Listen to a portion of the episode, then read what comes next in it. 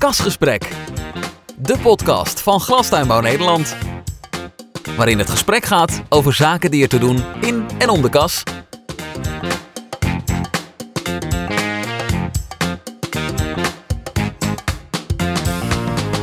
Kasgesprek. Welkom bij Kasgesprek, de podcast van Glastuinbouw Nederland over zaken die er te doen in en om de kas. In dit kasgesprek gaat het specifiek over water. We gaan vooral aandacht besteden aan de waterkwaliteit in glastuinbouwgebieden. Een actueel onderwerp, wat na jaren van forse verbetering van de waterkwaliteit lijkt er nu sprake van stagnatie. En tijdens de laatste tiltwisseling werden door hand- handhavers van de waterschappen nog te veel overtredingen geconstateerd. En ook lekkages kunnen zorgen voor ongewenste situaties. Met mijn gasten aan tafel bespreek ik de stand van zaken. Mijn naam is Roger Abbenhuis en ik mag vandaag dit gesprek leiden. En dat gesprek ga ik houden met twee collega's bij Glastuinbouw Nederland. Guus Meijs, beleidsspecialist water en omgeving. En Arthur van den Berg, themaspecialist water. Heren, welkom. Guus, laten we toch maar eh, beginnen met een introductie. Ondanks, dat het, het feit dat vele mensen in de sector jou eh, wel kennen. Eh, kun je nog precies aangeven wat jouw werkgebied precies is bij Glastuinbouw Nederland? Ja, mijn werkgebied is eigenlijk heel breed. Eh, dat is een groot deel van de milieuwetgeving. Eh, dan praat je zowel over de watervoorziening, eh, dus wateropslag, omgekeerde osmose en dergelijke. Emissiebeperking, dus de mi- emissienormen voor stikstof, onder andere die in de wetgeving staan. Maar ook zaken als de afscherming van assimilatiebelicting en opslag gevaarlijke stoffen. Ja, dat is redelijk breed. Ja. Mag ik, wel. En het is wel te behappen ook, die, dat brede pakket. Je ziet wel dat door de loop van de tijd heen er eh, prioriteiten zijn. Hè. De ene keer is het ene onderwerp weer belangrijker dan het andere onderwerp. En op dit moment zijn waterkwaliteit, maar ook watervoorziening eh, wel hele actuele thema's. Oké, nou daar gaan we het nog eh, uitgebreid over hebben. Eh Arthur, jij ook welkom. Ehm, mensen zouden je ook kunnen kennen vanwege andere activiteiten dan water, klopt dat? Ja, klopt. Ik ben ook netwerkcoördinator potplanten. Dus we organiseren het netwerk eh, voor een aantal potplantgewassen. Eh, maar het verschuift wel steeds meer richting eh, water. Dus best kans dat het, eh, het was 50-50, maar dat het in de loop van de tijd eh, meer dan 100% water gaat. En dat zegt ook alles over de, het belang van eh, water en alles wat daar bij komt kijken. Nou, dat klopt. Want we- 2027 is natuurlijk het doel van het kaderrichtlijn water. Dus ja, dat komt dichterbij. En we moeten nog een hoop aantal stappen zetten met de sector. Dus dat vraagt gewoon een hoop inzet.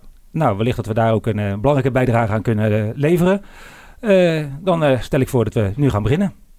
Kasgesprek. De podcast van Glastuinbouw Nederland. Energie, water en omgeving, arbeid en plantgezondheid zijn de vier belangrijkste thema's van de glastuinbouw. Daarbij lijkt momenteel de minste prioriteit van ondernemers te liggen bij het onderwerp water. Dat is enerzijds misschien begrijpelijk, gezien bijvoorbeeld de enorme impact van de hoge energieprijzen, maar anderzijds mogen telers niet uit het oog verliezen dat de belangrijkste waterdossiers de komende jaren zeker verder aan belang zullen winnen.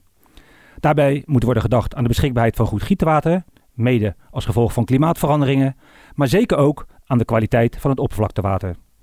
Dat kan bovendien niet los worden gezien van de beschikbaarheid van gewasbeschermingsmiddelen de komende jaren. Genoeg onderwerpen dus om te bespreken met mijn beide gasten aan tafel.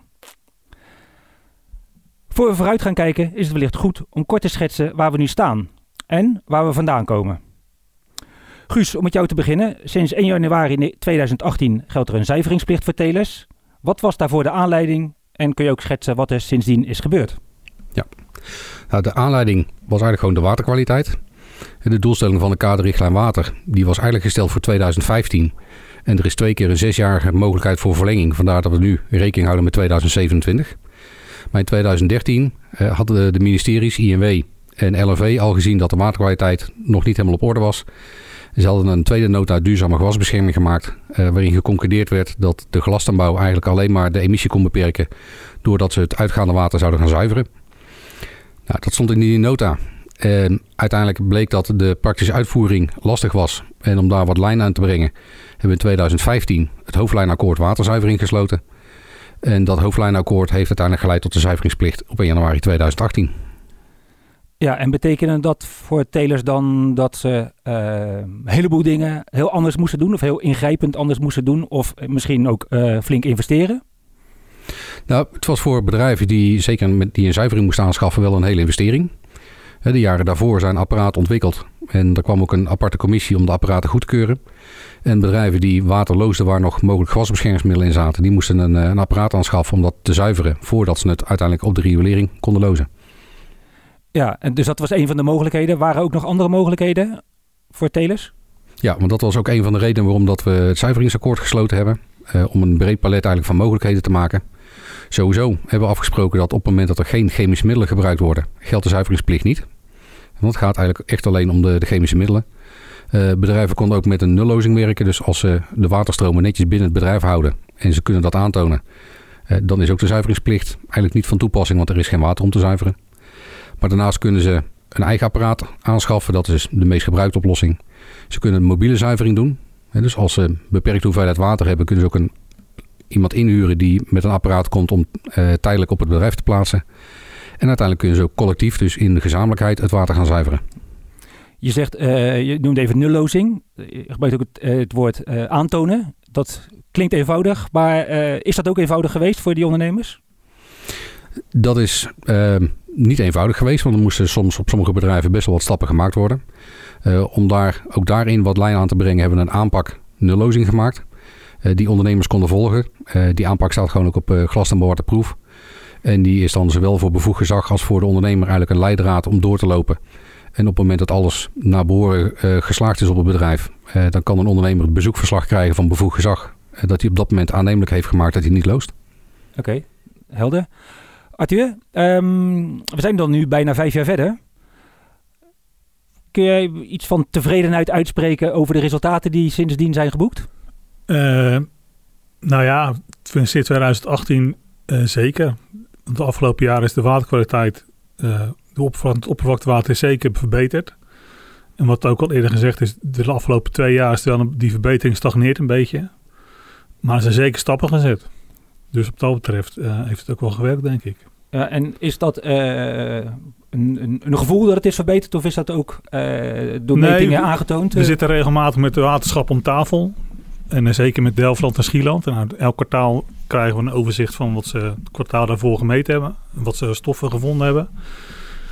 en uiteindelijk zie je wel in de cijfers terug dat, het, dat die waterkwaliteit verbetert. Alleen ja, de laatste twee jaren stagneert het een beetje. En de, de grote stappen zijn al gezet. En nu vooral de lekkages is dan toch wel mijn aandachtspunt, waardoor het nou, toch misschien een beetje stagneert. Daar wil ik uh, graag zo meteen nog even op terugkomen. Um, als je kijkt naar de partijen die betrokken zijn, uh, je noemde Delftland en, en Schieland. Dat zijn natuurlijk ook waterschappen in een duidelijke concentratiegebieden voor de glastuinbouw. Ja. Hoe zit het dan verder in het land waar die concentratie dan toch wat minder intensief is misschien? Nou, ondertussen hebben we eigenlijk nou ja, met alle waterschappen waren een beetje uh, concentraties van glastuinbouw. Erika, uh, Luttelgeest, Almere, Limburg, Bommelenwaard. Hebben eigenlijk op al die uh, waterschappen wel contact. Met de een verkrenter als met de ander, maar eigenlijk maar bijna allemaal wel, zeg maar, nou, elk half jaar wel even contact. Joh, wat, wat is zijn er gekke dingen gevonden, ja of nee? En als er iets, iets normoverschrijding van een bepaald middel is, we moeten er iets mee, dan gaan we ook gewoon communiceren met de waterschappen naar het gebied. Door een brief of als het uh, nou ja, heel erg plaatselijk is, misschien uh, verlangs met de regiovoorzitter bijvoorbeeld. Ja, want, want dat is uh, een beetje het overleg over gaan waar we het dan over hebben. Uh, individuele telers wellicht, uh, Nederland en de, de waterschappen. Hoe bedoel je? Ja, zijn, of zijn er ook nog andere bij, partijen bij betrokken? Oh, ja, nee, zeker. Bijvoorbeeld bij de Misseloze Kast ook de gemeentes, het Westland, Schieland, uh, het Schielands Waterschap. Uh, het Westland, uh, Wandingsveen, Zuidplas, Lansingerland, Pijnakker, Midden-Delfland. Eigenlijk alle gemeentes uh, die waar hier glasaanbouw zit. En de provincie is ook, die is al langer aangehaakt. We hebben 28 november hebben we de nieuwe afsprakenkaart getekend. En nou voor het eerst heeft de provincie Zuid-Holland ook meegetekend. Dus die gaat ook extra inzet plegen voor ja, een misseloze kast in 2027. Ja, en als je dan uh, kijkt naar die samenwerking, uh, betekent dat dan ook dat de neuzen ook wel allemaal dezelfde kant op staan? Of um, is daar ook nog ook wel sprake van enige frictie hier en daar? Nou, we hebben in ieder geval allemaal hetzelfde doel. En ik denk ook wel, de, de ja, de weg naartoe eigenlijk ook wel. Want ik wil dat we elkaar wel eens zijn wat uh, het belangrijkste punten gewoon kennis zijn. Kennis vergaren over nou, lekstromen, gekke middelen die we niet verwachten van de tuinbouw, maar die ze toch meten. Waar komen die dan vandaan? Zijn er misschien andere bronnen? Uh, communicatie daarover, ook met de achterban. Uh, en handhaving. Gewoon ja, meer capaciteit, intensiever handhaven, meer risico gestuurd. En Ja. dan eigenlijk, ja, daar zijn het alle, eigenlijk alle partijen wel over eens om daar eh, ja, binnen hun, wa- waar, hun, eh, waar zij iets mee kunnen, om dat ook op te pakken. Ja, om dan even de eh, wat clichématige stip op de horizon, die is voor iedereen wel duidelijk. Ja. Oké. Ja, toch, eh, eh, Guus, ehm, om daar even op door te gaan. in de me- media hoor je er ook wel wat tegenstrijdige geluiden. Hoe het nou eigenlijk is gesteld met de kwaliteit van ons oppervlaktewater. En dat varieert van het is nog nooit zo schoon geweest tot we, vinden, we hebben nog nooit zoveel stoffen gevonden als vandaag de dag. Ik zag laatst ergens volgens mij een, een uitzending op televisie. En had zelfs een doelstelling eh, dat ze eh, groepen bezig zijn met eh, het mogelijk maken dat je bij wijze van spreken weer het water uit de rivier zou kunnen drinken. Nou, ik vond het redelijk ambitieus, maar misschien is dat mijn naïviteit. Maar kun jij duiding geven van hoe het inderdaad dan ook gesteld is vanuit jouw optiek? Ja, het is maar net hoe je aankijkt tegen de, de hele materie. Want eigenlijk zijn beide opmerkingen kloppen. Eh, het water is niet sinds ooit misschien, eh, dat we, misschien dat we eh, honderden jaren geleden nog schoner water hadden. Maar kijk je naar de afgelopen decennia, eh, dan is ten opzichte van bijvoorbeeld de jaren 70 het water nu schoner dan in die tijd. Dus we hebben zeker wel hele grote stappen gemaakt. En je ziet het ook gewoon aan het, de flora en fauna in, in watergangen. De visstand en dergelijke, gewoon meer variatie in, in vis. Dus dat klopt. Hè. De afgelopen decennia is het water verbeterd. Dus ja, wat dat betreft is het schoner dan, dan ooit. Anderzijds, we hebben ook steeds vanuit de industrie steeds weer nieuwe stoffen. Eh, nou ja, de hele PFAS-discussie die, eh, die regelmatig opkomt. Zo zijn er veel meer stoffen. En dat zijn stoffen die vaak ook nog geen norm hebben. Eh, ja, die worden ook al de opkomende stoffen genoemd. We meten dus ook steeds meer. We komen ook steeds meer andere stoffen tegen. Dus ja, ook in, in die lijn kun je wel zeggen... Ja, we komen wat dat betreft steeds meer stoffen tegen. Want we produceren gewoon ook steeds meer stoffen. We gebruiken het. Dus kom je het uiteindelijk ook in het milieu tegen. Ja, en eh, speelt de manier van waarop je die stoffen kunt eh, waarnemen of kunt opsporen, of eh, speelt dat ook nog een, een rol? Dat je dingen misschien vroeger niet kon, kon meten en dat je die vandaag wel gewoon aantoonbaar kunt maken? Klopt, ja. Detectiemethodes zijn sowieso veel beter geworden. Je kan tot veel meer cijfers achter de komma meten. Maar ook op het moment dat er een nieuwe stof is, moet je ook wel weer een detectiemethode hebben om de stof te kunnen meten in oppervlaktewater. Ook dat loopt altijd achter de productie van de stof aan. Eh, en vervolgens krijg je dan, als je de stof kan meten, eh, moet je ook nog kijken, veel kun je een normstelling doen. Hè? Dus je moet ook kunnen bepalen welk effect heeft zo'n stof in oppervlaktewater. Dus dat zijn allemaal stappen die, eh, die doorlopen moeten worden. En ja, wat dat betreft is waterkwaliteit een hele dynamische wereld. Ja, we maken steeds weer stappen vooruit, maar we komen ook steeds weer nieuwe dingen tegen. Ja, dat lijkt dan soms alsof je toch door een zure appel heen moet bijten, omdat mensen meer kunnen vinden, terwijl jij gewoon als sector wellicht ook eh, je uiterste best doet om die kwaliteit inderdaad ook verder te verbeteren. Daarom denk ik dat het goed is dat we dat goed in beeld brengen. En ook laten zien wat de verbeteringen zijn, maar ook wel wat de knelpunten zijn. En wat erin ook de stappen zijn die we gewoon in de loop van de tijd maken. Kasgesprek. De podcast van Glastuinbouw Nederland. De winterperiode wordt gezien als de ideale tijd voor telers om extra aandacht te besteden aan hun watersysteem. Guus, dat eh, is makkelijk gezegd, maar wat moet elk teelbedrijf eigenlijk deze week op zijn to-do-lijst hebben staan wat jou betreft? Ja, deze periode is natuurlijk met name voor de groenteteelt een, eh, een mooie periode om te kijken naar het, eh, watersysteem. Een stukje controle van het systeem, onderhoud laten plegen aan de, de installatie. Ehm, maar ook verbeteringen doorvoeren, want ja, als er geen gewas in de kast staat, kun je nog wel eens wat leidingen vervangen of aanpassen. Dus dat zijn wel mooie periodes om dat nu te doen. En zeker ook bij de start van de teelt eh, de instructie van het personeel om ze toch weer even mee te nemen in ja, wat kun je tegenkomen in het watersysteem. En wat is goed om door te geven, is dat er bijvoorbeeld bij eh, geconstateerde natte plekken in de kas, dat ze dat op tijd doorgeven, zodat de oorzaak achterhaald kan worden en opgelost kan worden. Ja, want daar zitten ook eh, vooral de calamiteiten. of gebrek aan onderhoud, of in ieder geval of iets wat je niet met, in eerste instantie zo met het blote oog kunt zien. Nou, de calamiteiten die zitten inderdaad op meerdere punten. Dat is enerzijds kun je dat voorkomen door een stukje onderhoud. Vaak zie je dat in de zomerperiode een installatie zwaar belast wordt en juist dan treden natuurlijk problemen op. Nou, dan heb je echt een, een calamiteit ook voor het bedrijf te pakken. Want als het bedrijf een, tijdje geen water kan geven aan zijn planten, dan ja, komt daar de groei toch mee onder druk te staan. Eh, dus dat is een belangrijke calamiteit. Maar wat je ook steeds meer als calamiteit ziet, eh, is de, de hele intense neerslag die kan plaatsvinden. We merken toch dat het klimaat wat verandert, waardoor de buien veel heftiger worden. Op het moment dat het water dan van het kas niet goed verwerkt kan worden door de hemelwaterafvoer en het komt de kas binnen, uh, dan kun je op dat moment ook een, een aardige calamiteit mee hebben. Waardoor er lozingen ontstaan die je eigenlijk ook weer niet wil. Want zo'n lozing kan uiteindelijk ook nog water van, het, uh, van de kas zelf bevatten. Juist, ja. Um, het, het woord lekkage is al een paar keer gevallen. Uh, Martin, volgens mij ben jij eerder dit jaar bezig geweest met, met dat probleem. En dat ook via filmpjes onder de aandacht gebracht bij, bij ondernemers. Wat was precies de aanleiding en, en ook de inhoud? Nou, de aanleiding was vooral vanuit de missieloze kas dat we gezegd hebben, nou, moeten dat, nou, rond die teeltwisseling, dat is toch wel een, er gebeurt heel veel in een hele korte tijd op zo'n bedrijf. Dus nou, goed om daar op voorhand weer eens aandacht op te vestigen. En het eigenlijk qua inhoud eigenlijk twee uh, sporen. Aan de ene kant heb je, wat Guus net al zei, heb je, je watersysteem. Je kunt uh, scheuren in leidingen, koppelingen die de, waarvan de lijn misschien verweert en dat gaat lekken. dat was één onderdeel, dat hebben we met de aanval gedaan. En de andere insteek was meer de praktische dingen, stekers die loshangen, tomaten die in de goot liggen, waardoor de goot overstroomt. Dat soort dingen die inderdaad, wat Guus ook al eerder zei, ja, gewoon personeel instrueren en aan op attent maken. Dat als ze dat zien, dan ook gewoon gelijk uh, oplossen. Want uiteindelijk een lekkage is eigenlijk altijd te laat. En het lijkt misschien dat het heel weinig, economisch gezien is het misschien heel weinig, maar het kan wel heel grote uh, gevolgen hebben. Ja, want daarmee wil ik zeggen dat een kleine lekkage uh, inderdaad ja. grote gevolgen kan ja, hebben. Want uiteindelijk zien we ook wel dat de, de fabrikanten die gaan ook uh, in het kader van de toelating van middelen gaan ze ook steeds meer kijken, joh, wordt mijn stof teruggevonden in het water? En dat nou, weegt voor hun gewoon mee op dat, of ze wel of geen uh, nieuwe toelating aanvragen. Ja, als je op die manier natuurlijk uh, middelen gaat kwijtraken, en we hebben er al niet zoveel, dan wordt het probleem alleen maar groter. Dus indirect kan het de best grote economische gevolgen hebben. Nu ben je dus ook daar nadrukkelijk ook met dat onderwerp ook bezig geweest. Um, sterkt dat jou dan ook in de overtuiging dat ondernemers uh, ja, gewoon echt wel zich bewust zijn van de risico's en ook wel heel bewust met verbetering van die waterkwaliteit uh, aan de slag zijn gegaan? Ja, dat denk ik wel. Ik denk dat de meeste kwekers toch echt wel daar, uh, daar oog voor hebben en dat in ieder geval proberen zeg maar goed netjes te doen.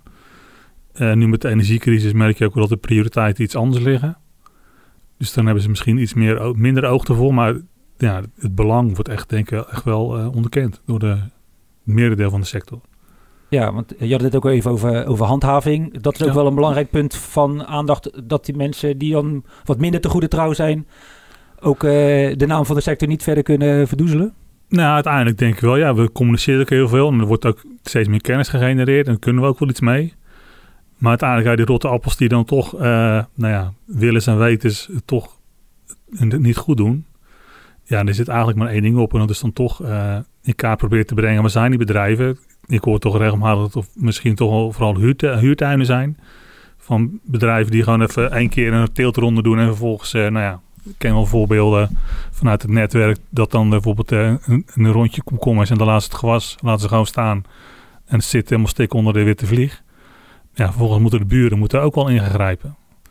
En dat soort tuinen moet je gewoon in kaart hebben. En dan moet je ook gewoon, uh, nou, dan is er allemaal één ding op, dus gewoon handhaven, denk ik. Ja. Controleren en handhaven en, uh, nou ja, boetes uh, of wat dan ook Ja, die, die mogelijkheid heeft Glastabouw Nederland natuurlijk niet. Nee. Welk, wat is wel onze taak, jouw taak, jullie taak bij dergelijke situaties? nou, vooral communiceren, denk ik dat gewoon ook dat, uh, dat de. Ik kan er goed tegen haken, maar wat mij betreft moet je ook gewoon bij spreken als buur kunnen zeggen: joh, uh, daar gaat daar op dat die tuin gaat dat mis. En uh, ik kan ook wel voorbeelden die dan ook gewoon het regio, gewoon contact zoeken wie de regio bij ons. En dat die dan toch een praatje gaat maken bij, dat, bij, bij die bedrijf. En veel, en maar er zijn vaak wel weer nou, buitenlanders die weinig Nederlands praten. En moet je een hoop uitleggen. Maar... Ja, dus de, dan, dan is communicatie gewoon ook wat lastiger. Ja, ja. ja plus dat het ook heel vaak... Misschien zijn ook heel vaak geen lid van ons. Ja, dus dan, dan moet je ze echt opzoeken. Wil je ze kunnen communiceren met die partijen. Ja, helder. Ja. Uh, we begonnen, we hadden het over winterperiode of de, de herfstmaanden, hè, de, de periode van de teeltwisseling. Uh, Recent uh, we hebben ook nog naar buiten gebracht dat de controles van het Hoogheemraadschap in Delftland dan met name niet overwegend positief was. Is dat mijn constatering of heb ik een constatering overgenomen? Of deel jij die mening? Dan wel zie je het anders, Guus. Ja, ook daar heb je altijd weer twee, twee kanten van het verhaal. Kijk, er zijn twintig toezichthouders een hele dag op pad geweest. Dan kun je zeggen, nou, er zijn 17 constateringen valt eigenlijk nog wel mee voor, te, voor 20 mensen in een drukke periode rondom deeltwisseling. Anderzijds vind ik het wel een zorgelijke constatering die ze gedaan hebben. Want ja, die 17 overtredingen die ze gezien hebben, ja, per overtreding kan het een enorm effect hebben op de waterkwaliteit. Dus het is niet een, een kleinigheidje die men gezien heeft. Het zijn echt wel, uh, ja, het kan forse effect hebben op de waterkwaliteit. En wat ik jammer vind is voor de werkwijze rondom teeltwisseling. Uh, die, zou, die moet onderhand wel bekend zijn bij bedrijven. We hebben er vorig jaar ook een aparte special voor gemaakt van onderglas. Uh, dus ja, men kan niet zeggen dat ze niet weten hoe het moet. En dan is het wel jammer dat er toch nog zoveel constateringen zijn vanuit de toezichthouders. Ja, dus als ik vraag uh, wat zijn de verbeterpunten, dan zijn dat eigenlijk punten die eigenlijk elke teleondernemer eigenlijk al uh, zou moeten weten. Ja, klopt. Uh, ze, zouden ze, ze kunnen ze in ieder geval weten en ze zouden ze ook moeten weten. Vaak zie je dat het toch wel neerkomt op een stukje planning. Neem de rust voor een tiltwisseling in een kas wordt ook de tijd genomen om een kas goed schoon te maken voor het nieuwe gewas. Ja, neem ook die tijd voor het uitruimen van, uh, van het gewas. Het hoeft geen weken extra te duren. Hè. Vaak heb je met 1, 2 dagen extra tijd. Kun je best wel stappen maken. Gewoon goed op te letten voor joh, ook hè, welk type container wordt er gebruikt. Uh, komt er water uit, zorgt dat het opgevangen wordt en naar het riool afgevoerd wordt en niet aan de sloot stroomt. Nou, dat soort kleinigheden eigenlijk, uh, ja, die kunnen wel een heel positief effect hebben uiteindelijk op de waterkwaliteit. Juist. Want dat, dat kom je ook wel tegen, Arthur? Ja, want bij contact met andere waterschappen hoor ik eigenlijk wel dezelfde constateringen, zeg maar. Van die containers waar dan het gewas in zit, die dan nou, regenbui eroverheen en dan uh, is die wel waterdicht, maar vervolgens moet het water wel kwijt. Dus dan stroomt het gewoon in één keer de halve container leeg. Nou ja, in die gewasrest zitten ook gewasbeschermingsmiddelen. Dus dat ben je dan ineens heb je een grote piekbelasting. Of ze leggen uh, het gewas echt op, op de slootkant neer. Ja, kun je misschien ook uh, anders oplossen. Maar eigenlijk, dat, die, deze week hoor ik dat van alle waterschappen die dat uh, komen diezelfde overtredingen tegen. En als je daarover in gesprek bent met uh, ondernemers, dan zullen ze vaak zeggen van, oh ja, of niet? Ja, vaak wel. Maar ja, wat ik net ook zei, er gebeurt ook heel veel in een hele korte tijd. En ook bij wijze van spreken, heel Paprika Nederland, die gaat in uh, vier weken tijd uh, het gewas uh, bevangen. Dus ja, dan is de planning is dan ook wel een aandachtspunt. Ja. Voor jezelf, maar ook natuurlijk met degene die het, dan weer af gaat voeren. Ja.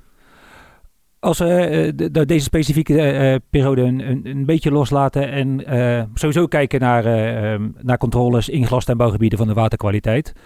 Heb ik het juist als ik constateer dat het misschien wel ook makkelijk is, bijvoorbeeld ook in regionale media, om de, de, de verwijtende vinger richting, met de verwijtende vinger richting de glastuinbouw te gaan? Dat is altijd makkelijk. Op het moment dat je een gasbeschermingsmiddel tegenkomt, kun je makkelijk wijzen naar een, sector waar ze gebruikt worden. Uh, ook daar zul je wel onderscheid in moeten maken. Hè? Zeker op het moment dat het actuele middelen zijn die toegepast worden. En ze worden aangetroffen in oppervlaktewater. Uh, is het terecht als naar de sector gekeken wordt. We moeten gewoon het spul wat we gebruiken binnenhouden. Uh, daar is geen discussie over. Je ziet wel dat in de loop van de tijd ook de waterkwaliteit bepaald wordt door oudere middelen die al lang niet meer toegepast worden. Nou, daarom is ook een onderdeel van het afsprakenkader in misseloze kast dat we gaan kijken waar kunnen die middelen vandaan komen. Soms hebben ze nog een toelating als biocide. Dan zou het uit mierelokdoosjes, vlooienbanden en dat soort dingen kunnen komen.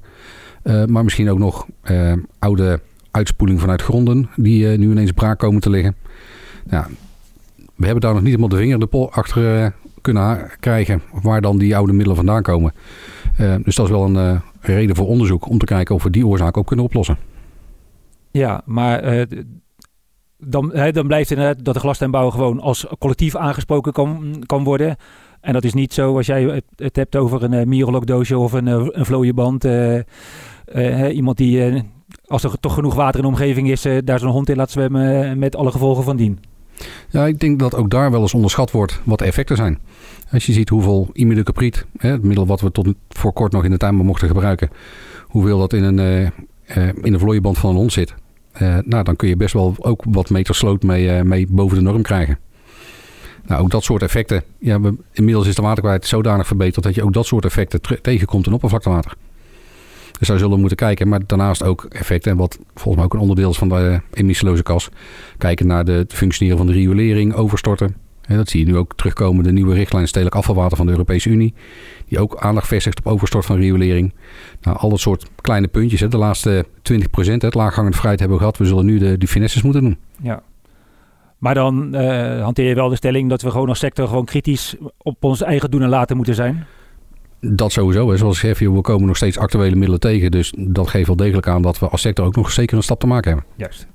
Maar het staat ook in de kaderrecht aan water. Het is heel mooi dat, je, dat iedereen is verantwoordelijk voor een eigen, eigen vervuiling.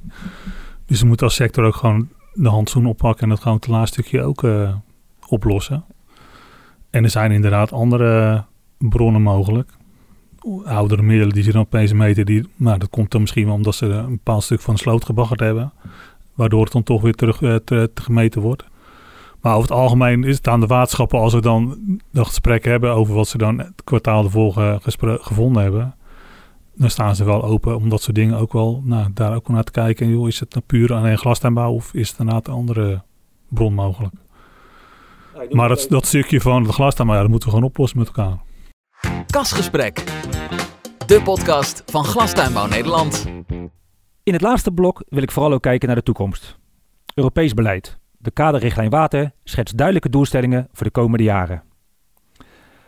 Guus, als ik nou toch even in de beeldspraak mag blijven. Wat stroomt er vanuit Brussel de komende jaren allemaal richting de Nederlandse glastuinbouw? Ja, vanuit Brussel komen er verschillende dingen naar de, de sector toe. Uh, via de Rijksoverheid natuurlijk. Uh, ja, het belangrijkste wat je al zei, de kaderrichtlijn water. Er zal binnen Europa gekeken worden of de doelstellingen behaald zijn. En of er voldoende inspanningen gedaan zijn om uiteindelijk de doelstellingen te halen. Nou, dat zal nog een, denk ik, een aardige discussie opleveren tussen de lidstaten en Europa. Ja, wat zijn voldoende inspanningen? Uh, maar daarnaast zie je ook dat uh, ja, men verder wil verduurzamen. Uh, bijvoorbeeld met de, de farm-to-fork strategie. verduurzaming van de volledige voedselketen. maar ook aanpalend de SUR, zoals die afgekort is. De gewasbeschermingsmiddelenverordening die in de maak is. die ook zijn effecten zal hebben voor de glastuinbouw. Ja, dus in dat kader is het logisch dat waterkwaliteit en plantgezondheid steeds nadrukkelijker in elkaars verlengde worden genoemd. Dat klopt. Het is eigenlijk onlosmakelijk met elkaar verbonden met betrekking tot waterkwaliteit. Want iedere toepassing van een middel, ja, daar zit toch een kans in dat het uiteindelijk ook in het milieu terechtkomt. Nou, milieu is waterkwaliteit. Dus op het moment dat je het niet hoeft toe te passen, door bijvoorbeeld de toepassing van biologische middelen. Ja, hoe minder chemische middelen je hoeft toe te passen, hoe minder kans het is om het, dat het in de waterkwaliteit komt. Ja, daar, maar daar zitten wellicht ook nog wat drempels. Hè? Dus iets wat Brussel moet toelaten of moet goedkeuren dat zou misschien ook wat sneller kunnen om bepaalde stappen te kunnen, te kunnen zetten. Op vlak van plantgezondheid zie je inderdaad dat de toelating van groene middelen, zoals ze dat noemen, uh, wel zeker wat tandjes sneller zouden mogen. Om de middelen die we liever niet willen gebruiken te kunnen vervangen. Juist. Dit is Europa. Uh, Arthur, je noemde net al even ook afspraken die er dichter bij huis recent ook zijn genomen je noemde al de, het, afsprakenkader en de, de, de provincies, gemeenten en de, de sector die daarbij betrokken zijn. Kun je aangeven ja, wat die kaderafspraken nou precies inhouden? Nou, dan gaat het over drie, drie sporen, zeg maar. Eén is kennis. Wat vooral kennis opdoen over middelen, die, wat zijn andere bronnen van bepaalde stoffen. kennis over lekstromen in de kas. nou, hoe dicht zijn kassen uit überhaupt? Uh, waar zitten de zwakke plekken in het watergeefsysteem? En drainage en dat soort dingen. Dus we proberen wel een inzicht in te krijgen. Er zijn ook een aantal onderzoeken die daarmee lopen. En we gaan ook de komende tijd de, de eerste resultaten, zeg maar, gaan we ook met de diverse gewasgroepen bespreken.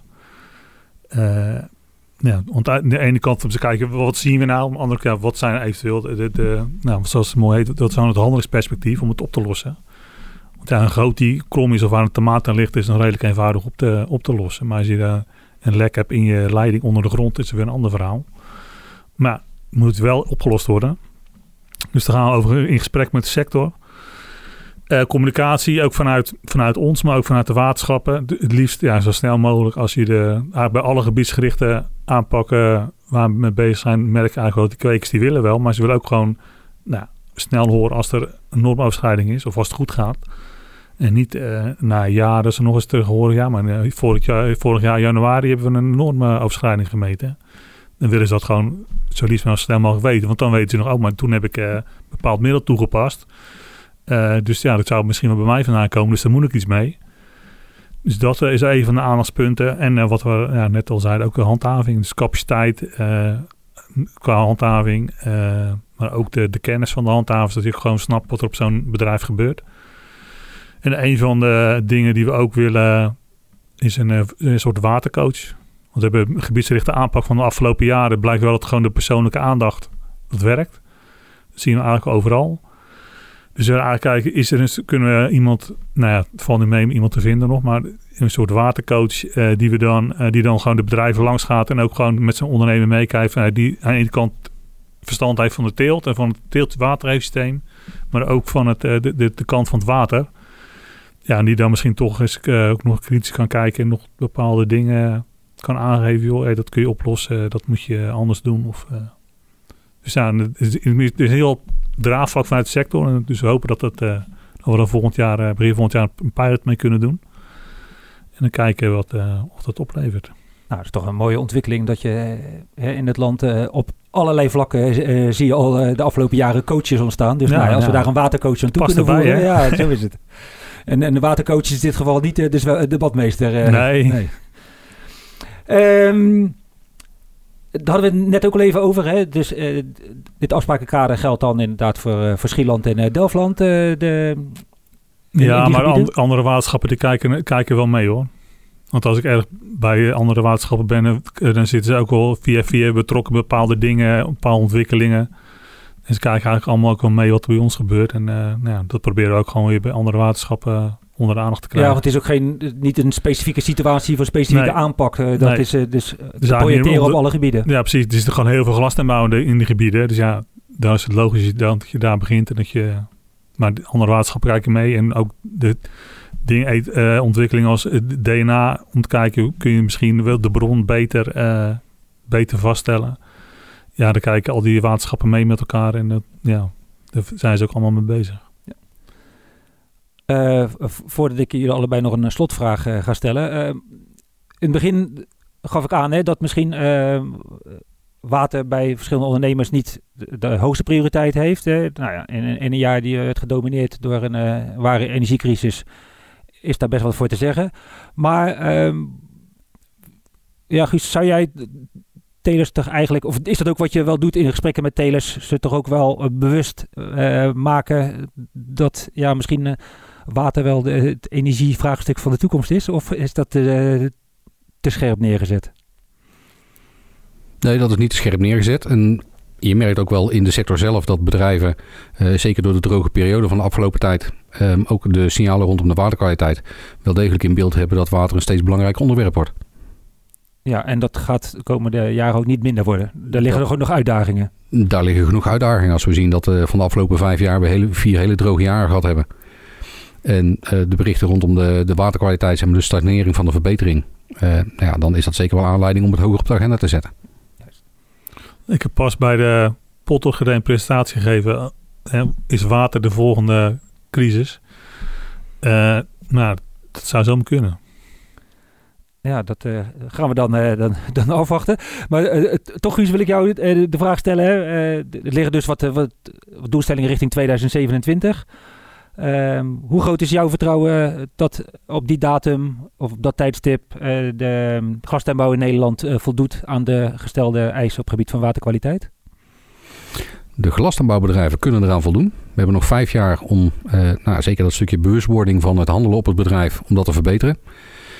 vaak zijn de investeringen niet heel groot, maar is het meer echt een, een aanpassing van het handelen om gewoon de waterkwaliteit te verbeteren. In ieder geval dus het water binnen te houden op de bedrijven. Zodat de bedrijven eh, geen negatief effect hebben op de waterkwaliteit rondom het bedrijf. Maar zoals ik aangegeven, er zijn andere factoren. Dus of de waterkwaliteit volledig voldoet aan de kaderrichtlijn water, dat is nog een andere vraag. Maar ik denk dat we als glastuinbouw uh, in 2027 uh, eh, hele grote stappen hebben kunnen maken om in ieder geval onze invloed op de waterkwaliteit te verminderen. Oké, okay, dankjewel. Ja, het grote nadeel van de, de, de kaderrichtlijn water is dat die zegt uh, one out is all out. Dus als je één, dus ze gaan heel veel, op heel veel dingen gaan ze kijken of het goed is. En als op een van die factoren uh, het niet voldoet, dan voldoet het hele waterlichaam niet. Dus ook als wij met, met Guus Ezen denk dat wij in Nederland komen voor 2027. Maar als wij ons aandeel doen en redden, dat wil niet zeggen dat we de doelen van de kaderlicht en water halen. En wat staat er dan bovenaan jouw lijstje voor de, de, de komende eh, dagen, weken, maanden, jaren? Nou ja, wat mij betreft, uh, die uh, pilot met de gewas, watercoach begin volgend jaar. Omdat het dan toch die, op gewoon gebieds, op bedrijfsniveau er nog eens aandacht aan kunnen geven. En ook kennis kunnen delen. ja, bewustwording. En wellicht ook nog de, de, de dingen die die kweken misschien niet op het netvlies heeft, toch onder de aandacht brengen en toch oplossen. Oké, nou wij gaan het volgen. Nou ja, het, het, woord communicatie is een, een, aantal keren gevallen, dus dat is in ieder geval een mooie opdracht om ehm, voor de komende jaren. En nou ja, we, zullen daar de verschillende communicatiemiddelen ook voor in gaan zetten. Dat hebben wij in ieder geval dan een aanzet toegegeven met, met deze podcast. Daarvoor wil ik jullie bedanken voor, voor jullie heldere inbreng. En uh, mochten er naar aanleiding van dit kastgesprek nog vragen zijn, dan kunnen die uiteraard worden gesteld aan, bij de waterspecialisten. En de contactgegevens zijn uiteraard te vinden op de website van Glastabouw Nederland. Maar Guus noemde het al even, op de website van Glastabouw Waterproof. Daar is ook actuele informatie te vinden over de verschillende waterprojecten die op dit moment lopen. Het onderzoek wat gaande is. Dus um, ook daar uh, staan wellicht de antwoorden op uh, vragen die, uh, die nu naar boven komen. Ter afsluiting gaan wij zo luisteren naar de column van Adrie Boom-Lemstra, voorzitter van Glastuinbouw Nederland. Ook zij belicht een actueel wateronderwerp voor de glastuinbouw. Zij zal vooral aandacht vestigen op de noodzaak van goed gietwater. Wat mij betreft tot het eerste kastgesprek van 2023. Dan krijgen de gesprekken een andere opzet. En uit persoonlijk oogpunt zeg ik dan ook hopelijk met een hogere frequentie. Voor nu bedankt voor het luisteren. Kasgesprek, de podcast van Glastuinbouw Nederland. Ik neem u even mee naar vijf maanden geleden. We beleefden ook in 2022 een extreem droge zomer. Een situatie die in ons land steeds vaker voorkomt. Daardoor moeten ondernemers in de glastuinbouw doordrongen zijn van de gevolgen op korte en langere termijn. De mogelijkheden die de ondernemer zelf heeft om te kunnen beschikken over goed gietwater zijn eindig. Qua wet en regelgeving wordt de rol van de Europese, nationale en regionale overheden steeds groter. De recente visie van de minister van INW maakt ook duidelijk dat ondernemers op gebied van zoet water meer en meer zelfvoorzienend moeten zijn. De glastuinbouw heeft baat bij oplossingen voor de kortere en langere termijn. Hoe kunnen we regenwater goed en in voldoende mate opslaan? Wat mogen we nog wel van de verschillende overheden verwachten? Hoe gaan we efficiënt om met water bij extreme regenval? Wat kunnen we als telers in dergelijke gevallen betekenen voor onze omgeving? Allemaal belangrijke punten van aandacht. Niet alleen de glastuinbouw moet zich realiseren dat zoetwater niet langer vanzelfsprekend is, ook andere sectoren worden hiermee geconfronteerd. Het is daarom van belang dat ondernemers in contact treden met andere watervragers in hun omgeving. In tijden van langdurige droogte maken veel telers gebruik van omgekeerde osmose. Dit biedt evenmin onbepaalde garantie. Grondwater is niet te alle tijden voorradig.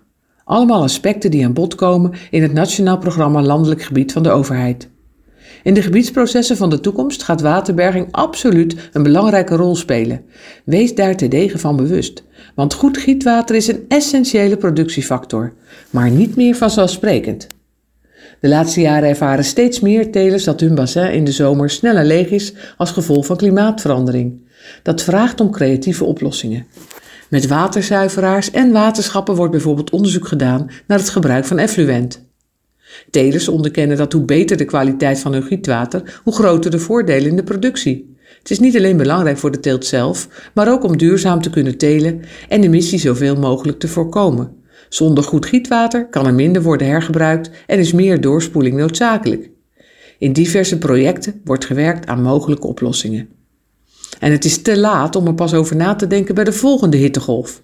Voorkomen moet worden dat de bodem van het bassin regelmatig in zicht komt. De urgentie mag niet wegzakken als de situatie ogenschijnlijk verbetert tijdens een natte herfst of een kwakkelwinter. Goed gietwater moet nadrukkelijk op het netvlies blijven bij elke teler. Op beleidsniveau zal Glastuinbouw Nederland uiteraard de kar trekken. De ondernemers in de regio hebben hier echter ook een taak in. Telers moet er handen uit de mouwen steken, het onderwerp inbrengen bij gebiedsprocessen en daar met voorstellen komen. Onze specialisten kunnen ondernemers dan weer helpen om ze te realiseren. Samenwerking is essentieel, want het belang van goed gietwater is heel groot. Kasgesprek. De podcast van Glastuinbouw Nederland.